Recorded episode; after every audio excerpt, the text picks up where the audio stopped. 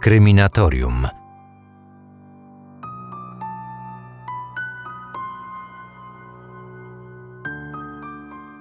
Gdy wiosną 2008 roku na ekrany kin wszedł film zatytułowany Oszukana, zarówno krytycy, jak i widzowie byli nim zachwyceni.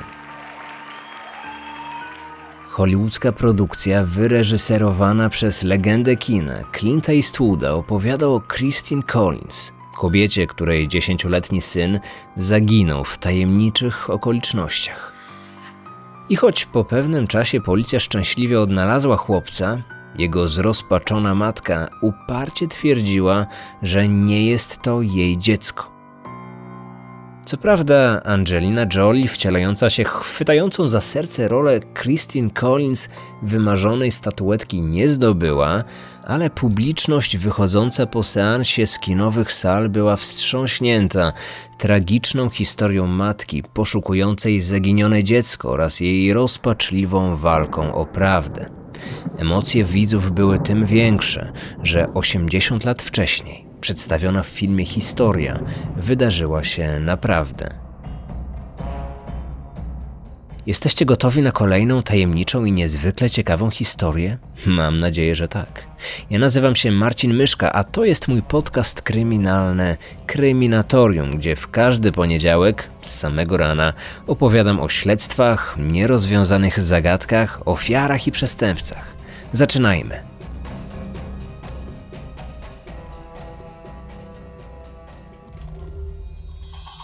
Kryminatorium. Otwieramy akta tajemnic. Zaginięcie oraz domniemane odnalezienie dziesięcioletniego Waltera Collinsa najpierw zelektryzowało, a potem wstrząsnęło mieszkańcami ówczesnego Los Angeles. Ta wielowątkowa sprawa, zawierająca w sobie niewinne ofiary skorumpowanych gliniarzy, bezduszny wymiar sprawiedliwości, a nawet seryjnego zabójcę dzieci, zwanego mordercą skórzej fermy, nigdy nie doczekała się rozwiązania. Mieszkająca w Los Angeles 40-letnia operatorka telefoniczna Christine Collins, choć była mężatką, swojego 10-letniego syna Waltera wychowywała samotnie.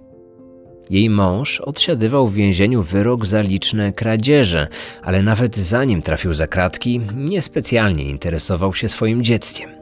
Nauczony samodzielności chłopiec podczas nieobecności matki często zostawał w domu sam.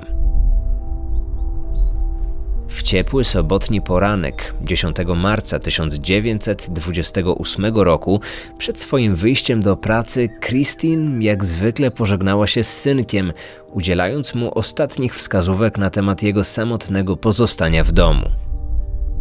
Chłopiec zdążył jeszcze wyprosić na matce kilka drobnych monet. Chciał obejrzeć w pobliskim kinie swój ulubiony film z Charlie Chaplinem. Gdy późnym popołudniem Christine wróciła z pracy, Waltera w domu już nie było. Niepokój matki przedstawiła pisarka Michelle Morgan w wielkiej księdze hollywoodzkich skandali. Było to dla niej prawdziwym zaskoczeniem, gdyż zgodnie z obietnicą syna miał on wrócić zaraz po skończonym seansie. Do tej pory był wyjątkowo punktualnym dzieckiem i zawsze robił to, co wcześniej obiecał. Przeczuwając najgorsze, kobieta wpadła w panikę i natychmiast zadzwoniła na policję. Dyżurujący przy telefonie alarmowym funkcjonariusz od samego początku wydawał się być bardzo niechętny w przyjęciu zgłoszenia. Chciałam zgłosić zaginięcie mojego syna. Właśnie wróciłam z pracy i zastałam pusty dom. Nigdzie nie ma mojego dziecka. Droga pani, proszę się nie martwić i wziąć głęboki oddech. Dziecko na pewno bawi się gdzieś z kolegami. Sam mam syna i wiem, jak to jest, gdy zabawa się przeciągnie. Na pewno wkrótce się zjawi. Dzieci już takie są, czy nam się to podoba, czy nie. Pan niczego nie rozumie. Mój syn jeszcze nigdy się nie spóźnił. Jestem matką i znam swoje dziecko.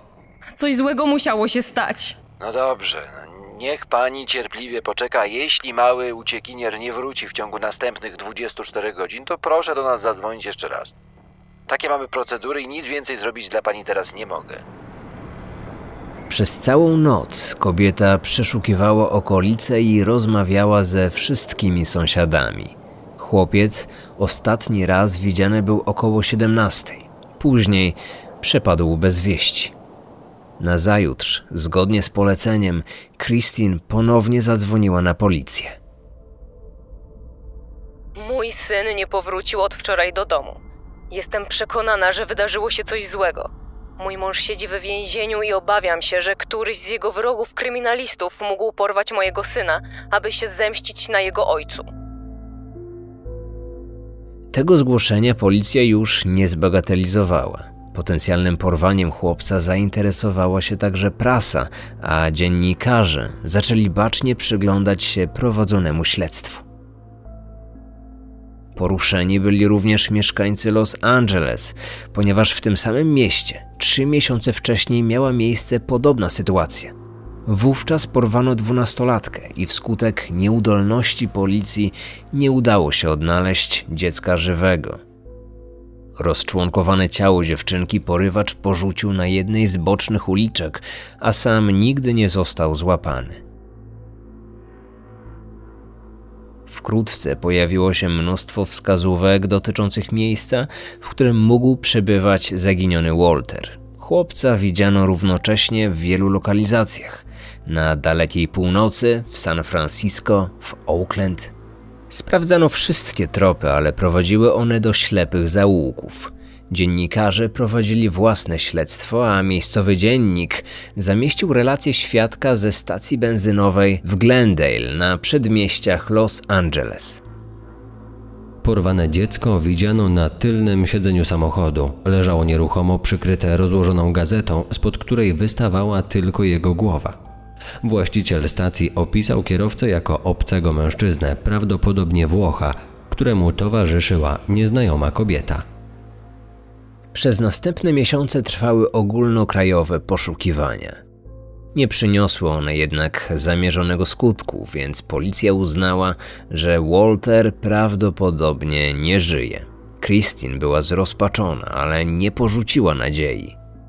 Wbrew temu, co nakazuje logika, matka chłopca jest przekonana, że jej synowi nie przydarzyła się żadna krzywda i że wróci on bezpiecznie do domu cały i zdrowy. Nagle, w sierpniu 28 roku, po pięciu miesiącach od zaginięcia syna, Christine otrzymała wiadomość, na którą tak bardzo czekała. Walter został odnaleziony, żywy.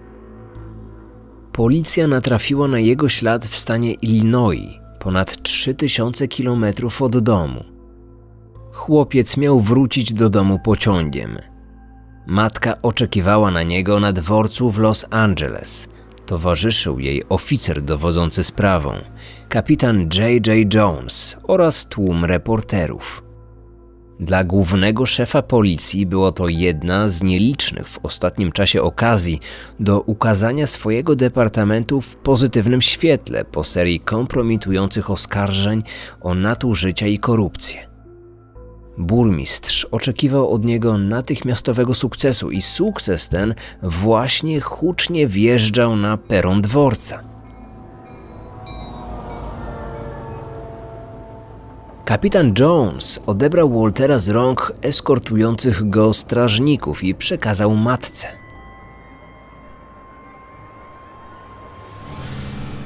Proszę pani, oto nastała chwila, na którą czekaliśmy wszyscy. Pani, policja, dziennikarze i wszyscy mieszkańcy naszego miasta. Oddaję w pani ręce odnalezionego syna. Jak pani sama widzi, jest cały i zdrowy. Ale, panie kapitanie, to nie jest mój syn. To oczywiste, że emocje w takich chwilach biorą górę nad zdrowym rozsądkiem. Wszyscy się przecież martwiliśmy. Na szczęście wszystko skończyło się dobrze. Proszę podejść bliżej, aby reporterzy mogli zrobić zdjęcie do jutrzejszych gazet. To. to nie jest mój syn. Świadkowie tej sceny przecierali oczy ze zdumienia. Jak to możliwe, że matka nie rozpoznaje własnego dziecka? Przecież chłopiec od razu rzucił się w jej ramiona, prawda? W wypowiedzi dla prasy kapitan wytłumaczył wątpliwości pani Collins faktem, że nie widziała Waltera od pięciu miesięcy, a trudne warunki, w jakich spędził ten okres, musiały odbić się na jego wyglądzie zewnętrznym. Był chudszy, trochę niższy, mówił w inny sposób, ale to był Walter. Kapitan nie miał co do tego żadnych wątpliwości. Proszę pani, niech pani zabierze synka do domu. Spędzi pani z nim kilka dni i, że tak powiem, wypróbuje chłopca. Złe emocje prysną wtedy niczym mydlana bańka. Zmęczona całym zamieszaniem, Christine uległa sugestiom kapitana i zgodziła się wrócić do domu z chłopcem, który zapytany przez dziennikarzy potwierdził, że nazywa się Walter Collins. Aby rozwiać obawy matki, zgodzono się przeprowadzić natychmiast serię specjalistycznych testów w celu potwierdzenia tożsamości znalezionego dziecka. Ich przebieg został opisany przez prasę. Chłopiec został od razu zabrany do kilku sąsiednich domów i poproszony o zidentyfikowanie mebli, które znał. Z łatwością przeszedł test, zauważając nawet, że jeden z jego kolegów miał nową szafkę w swoim pokoju. Bez problemu wskazywał swoich dawnych towarzyszy zabaw, nie mógł sobie jednak przypomnieć ich imion, co zdaniem ekspertów nie było niczym niezwykłym po tak ciężkich przeżyciach związanych z porwaniem. Na widok chłopca pies sąsiadów podbiegł i zaczął lizać jego dłonie i szczekał radośnie. Z całą pewnością rozpoznał go po pięciu miesiącach nieobecności. Sprawa została definitywnie zamknięta, prasa w końcu mogła napisać o miejscowej policji coś pozytywnego. Władza miasta triumfowała, a kapitan Jones, nad którym jeszcze niedawno wisiały czarne chmury, odetchnął z ulgą. Nie na długo, gdyż po trzech tygodniach w jego gabinecie pojawiła się zdenerwowana Christine Collins, oskarżając zarówno jego samego, jak i całą policję o oszustwo. Żądam natychmiastowego wznowienia poszukiwań mojego syna. Chłopiec, który jest u mnie, może i jest do niego podobny, ale zachowuje się zupełnie inaczej. Nie pamięta niczego z przeszłości, nie zna imion swoich kolegów z klasy i jest obrzezany, a mój syn nie był. To jest pani syn. Najwyraźniej porywacze zmusili go do wymazania z pamięci informacji o swoim dotychczasowym życiu. Pewnie sami kazali go też obrzezać. Skutek takiej traumy możliwe jest, że dziecko zapomni o wielu oczywistych rzeczach. Takie sytuacje miały już miejsce. Christine nie dawała za wygraną. Za wszelką cenę starała się udowodnić wszelkie różnice pomiędzy Walterem a chłopcem twierdzącym, że nim jest. Kapitan Jones zaczął tracić cierpliwość. Nawet jeśli wierzył kobiecie, to doskonale wiedział, że przyznanie się w tym momencie do tak wielkiej pomyłki oznaczałoby ogromną kompromitację, nie tylko dla niego, ale i dla całej policji. Na to tylko czekali rządni sensacji dziennikarze, od lat starający się doprowadzić do poniesienia przez policję odpowiedzialności za swoje grzechy.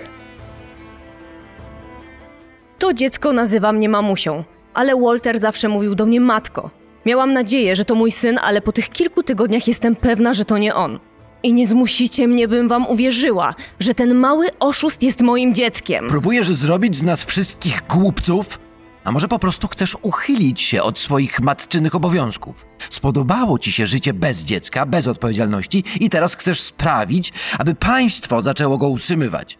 Jesteś najbardziej okrutną kobietą, jaką kiedykolwiek spotkałem. Jeśli myślisz, że twój plan się powiedzie, to jesteś głupia.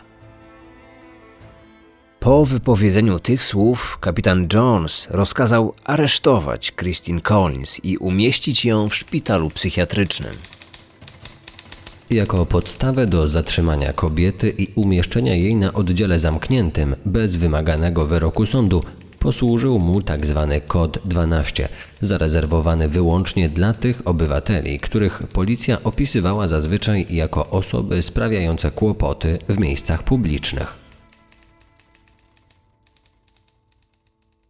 Podczas jej pobytu w szpitalu kilku policjantów wbrew zaleceniom swoich przełożonych zaczęło bacznie przyglądać się chłopcu. A co, jeśli matka naprawdę miała rację?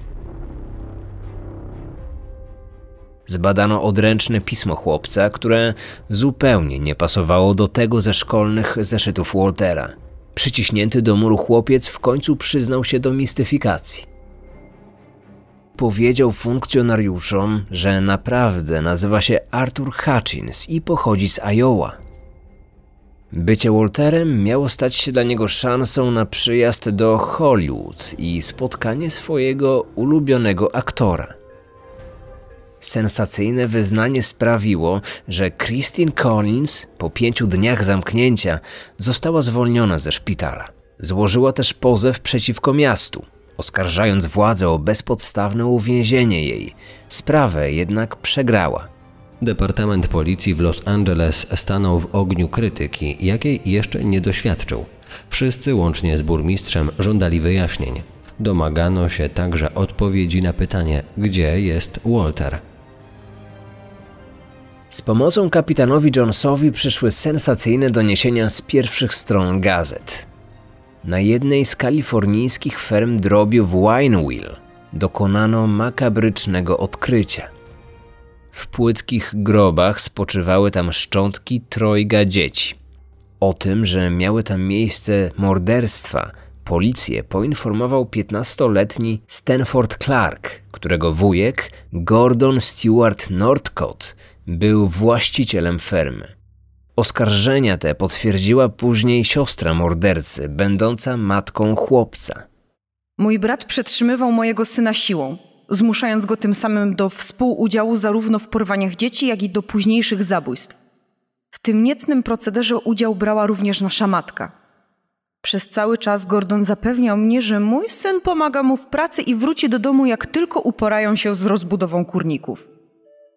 Łącznie miało tam dojść do 20 zabójstw. Chłopiec znał imiona i nazwiska większości ofiar z fermy.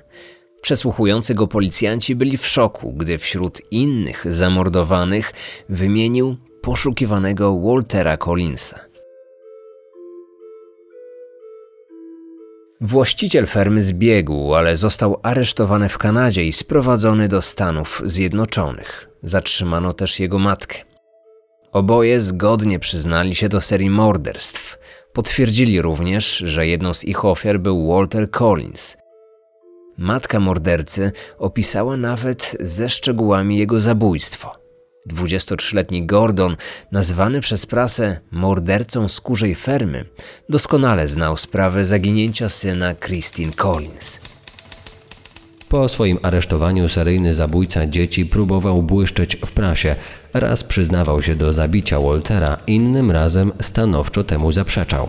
Twierdził też, że stał się ofiarą medialnej nagonki i został bezprawnie zatrzymany. Mimo drobiazgowego przekopania fermy, śledczym nie udało się odnaleźć innych szczątków. Nic nie wskazywało również na to, że jednym z zamordowanych przez Gordona dzieci był Walter Collins. Kapitan Jones wiedział, że to może oznaczać tylko jedno konieczność wznowienia śledztwa w sprawie poszukiwań zaginionego syna Christine. Nie miał jednak na to najmniejszej ochoty, o czym w swojej książce Niekonwencjonalne Los Angeles napisała Cecilia Rasmussen. Nad jego głową wciąż widniało widmo zawieszenia jego osoby i poniesienia konsekwencji za wszelkie błędy popełnione do tej pory. Uznanie, że chłopiec zginął na fermie kończyło sprawę, a tym samym w pewnym sensie ratowało skórę i tak już skompromitowanego oficera prowadzącego. Tylko Christine Collins wciąż wierzyła, że jej syn nadal żyje. Niewiele jednak osób podzielało jej nadzieję. W dążeniu do odkrycia prawdy kobietę wspierał jeden z największych wrogów miejscowej policji. Wielebny Gustaw Brigleb, który od wielu lat zawzięcie tropił i wywlekał na światło dzienne wszystkie możliwe policyjne nadużycia. Przygotowywał Christine na najgorsze, czyli ewentualne odnalezienie martwego Waltera. Z czasem zrozpaczona matka zaczęła godzić się z myślą, że jej syna spotkał tragiczny los. Wielebny, choć sceptyczny co do pozytywnego zakończenia poszukiwań, starał się za wszelką cenę pomóc kobiecie odnaleźć Waltera żywego lub martwego. Był też przy niej, gdy na początku 1929 roku rozpoczął się proces seryjnego zabójcy dzieci, zwanego mordercą skórzej fermy. Jeszcze zanim na sali sądowej pojawił się sędzia i ławnicy, Christine podeszła do oskarżonego w nadziei, że powie on, czy Walter nie żyje, a jeśli tak, to gdzie spoczywają szczątki jej syna, aby mogła je godnie pochować. Zrobiłeś to, bydlaku? Muszę to wiedzieć, zanim cię powieszą. Daj mi spokój, kobieto. Ja nic nie wiem. O co ci chodzi? Błagam, powiedz mi, czy zabiłeś mojego syna. Gdzie on jest? Mężczyzna w końcu ugiął się pod naciskiem kobiety. Dobrze, powiem ci prawdę. To nie ja zabiłem twoje dziecko. Wierzę ci. Wierzę, że mój syn wciąż żyje. 13 lutego 1928 roku zapadł wyrok. Gordon został uznany winnym zabójstwa trzech chłopców. Sąd skazał go na karę śmierci przez powieszenie. Wcześniej jego matka usłyszała wyrok dożywotniego pozbawienia wolności. 15-letni Stanford Clark skazany został na 5 lat więzienia za współudział w zbrodniach. Jego wyrok został jednak później skrócony do 23 miesięcy z uwagi na młody wiek oraz fakt, że do udziału w morderstwach został przymuszony siłą. Dwa dni przed egzekucją morderca z kurzej fermy wysłał telegram do Christine Collins. Jeśli niezwłocznie przybędziesz i spotkasz się ze mną, powiem ci wszystko o twoim chłopcu. Do tej pory to, co o nim mówiłem, było kłamstwem. Teraz jestem gotowy wyznać prawdę. We wtorek 30 września 1930 roku, dwa dni przed planowanym powieszeniem Gordona, Christine przybyła do kalifornijskiego więzienia stanowego San Quentin. Stała się tym samym pierwszą kobietą, której zezwolono na odwiedzenie seryjnego mordercy przed jego egzekucją. Zamierzała tam pozostać do 2 października, by zobaczyć, jak zawiśnie na szubienicy. Czekając na spotkanie z człowiekiem, którego opisała później jako obleśną kreaturę, Christine zastanawiała się, jaką prawdę zamierza wyjawić morderca, zanim odejdzie z tego świata. Czy jego słowa oznaczać będą dla niej koniec wszelkiej nadziei na odnalezienie Waltera żywego? A może powie, że nigdy nie porwał jej syna? Czym da do zrozumienia, że być może Walter gdzieś żyje i ma się dobrze, w co wierzyła już chyba tylko ona. Najpierw usłyszała brzęk łańcuchów. Chwilę później do pokoju odwiedzin wszedł skazaniec. Wezwałeś mnie, więc jestem. Teraz powiedz mi, co zrobiłeś mojemu dziecku. Powiedziałbym, ale wiesz co? Ja już nie chcę cię widzieć. Jak śmiesz! Obiecywałeś wyznać prawdę, więc mów. Zabiłeś mojego syna? Ja, ja nic o tym nie wiem. A tak w ogóle to jestem niewinny. Idź już stąd. Niczego się ode mnie nie dowiesz.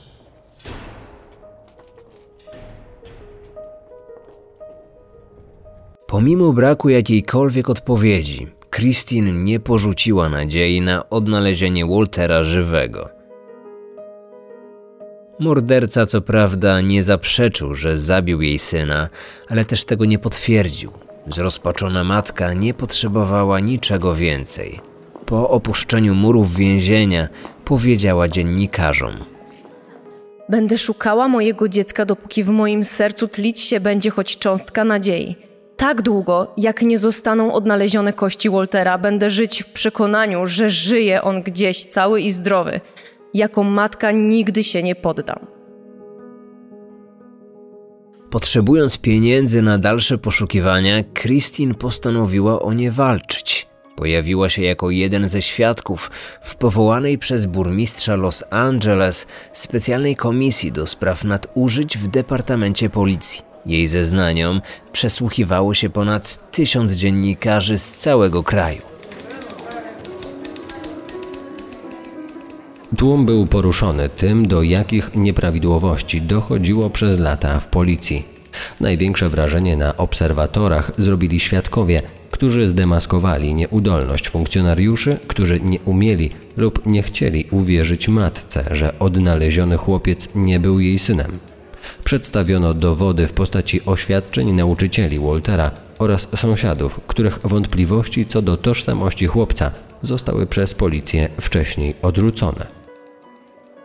Decydującym świadectwem okazały się zeznania rodzinnego dentysty, który udowodnił, że zęby prawdziwego Waltera miały kilka wypełnień, natomiast chłopiec podający się za syna pani Collins nigdy w życiu nie był u dentysty.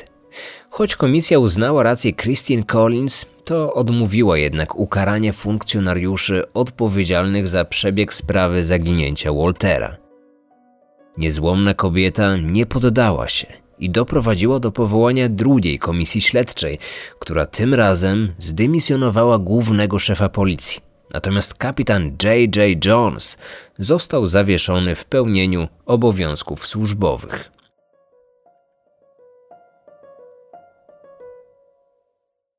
W roku 1935 Christine, wspomagana przez wielebnego Gustawa, złożyła przeciwko kapitanowi prywatny akt oskarżenia, żądając odszkodowania finansowego. I choć proces wygrała, a sędzia przyznał jej odszkodowanie w wysokości blisko 11 tysięcy dolarów, co na obecne czasy możemy porównać do jakichś 150 tysięcy dolarów, to kobieta nigdy tych pieniędzy nie otrzymała, a to potwierdziła w swojej książce pisarka Cecilia Rasmussen. Kapitan został po dwóch latach przywrócony na swoje stanowisko w Departamencie Policji miasta Los Angeles. Wciąż twierdził, że jest spłukany, a co za tym idzie, nie jest w stanie wypłacić kobiecie zasądzonego odszkodowania. Pomimo kilku kolejnych wygranych procesów, Christine Collins nigdy nie otrzymała pieniędzy. W zbiórkach funduszy na dalsze poszukiwania syna pomagał jej wielebny Gustaw, który na antenie radia w dalszym ciągu tropił i wywlekał na światło dzienne wszelkie nieprawidłowości, jakich dopuszczała się policja z Los Angeles. Zarówno dla władz miasta, jak i dla policji stał się z czasem wrogiem publicznym numer jeden – ale dla zwykłych obywateli Los Angeles stał się prawdziwym bohaterem. Pięć lat po egzekucji mordercy z kurzej fermy w sercu Christine Collins na nowo zatliła się nadzieja na odnalezienie Waltera żywego. Na policję zgłosili się bowiem rodzice nastoletniego Davida, którzy twierdzili, że w roku 1928 ich syn został porwany i zamknięty na fermie – Udało mu się jednak uciec i ukryć. Do tej pory nie ujawniali tego faktu w obawie o bezpieczeństwo chłopca, jednak w końcu zdecydowali się o tym powiedzieć. Sam David zeznał, że razem z nim uciekł inny chłopiec o imieniu Walter. Chłopcy mieli się rozdzielić już poza fermą, ale David nic nie wiedział o jego dalszych losach. Choć nazwisko uciekiniera nie padło wcześniej z ust ani mordercy, ani osób mu pomagających, a dowodów na obecność Davida na fermie nie odnaleziono, policja uznała jego opowieść za wiarygodną. Chłopiec przedstawił bowiem szczegóły, które mogła znać wyłącznie osoba przebywająca w tym miejscu. Dodatkowo David zidentyfikował Waltera ze zdjęć pokazanych mu przez policjantów. Nie wiedział jednak, czy drugiemu uciekinierowi udało się zbiec, czy może został złapany przez zabójcę i zabrany z powrotem na fermę. Christine Collins nie mogła wymarzyć sobie lepszej wiadomości. Kobieta była święcie przekonana, że Walterowi również się powiodło, po czym ukrył się w bezpiecznym miejscu i czeka na właściwy moment, by wrócić do domu. Kontynuowała więc poszukiwania zaginionego syna aż do swojej śmierci w roku 1964. Niestety bezskutecznie.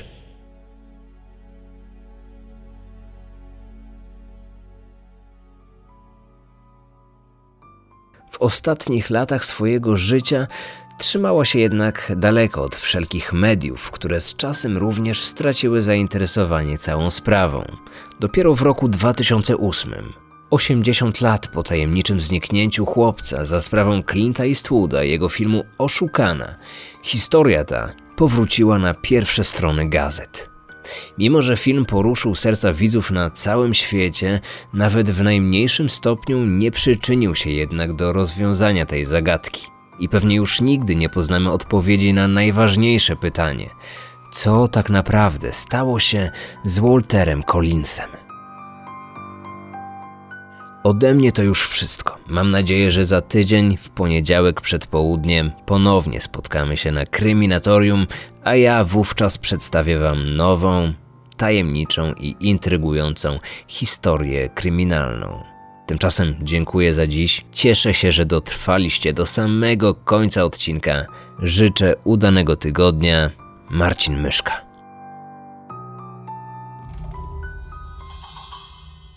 Kryminatorium.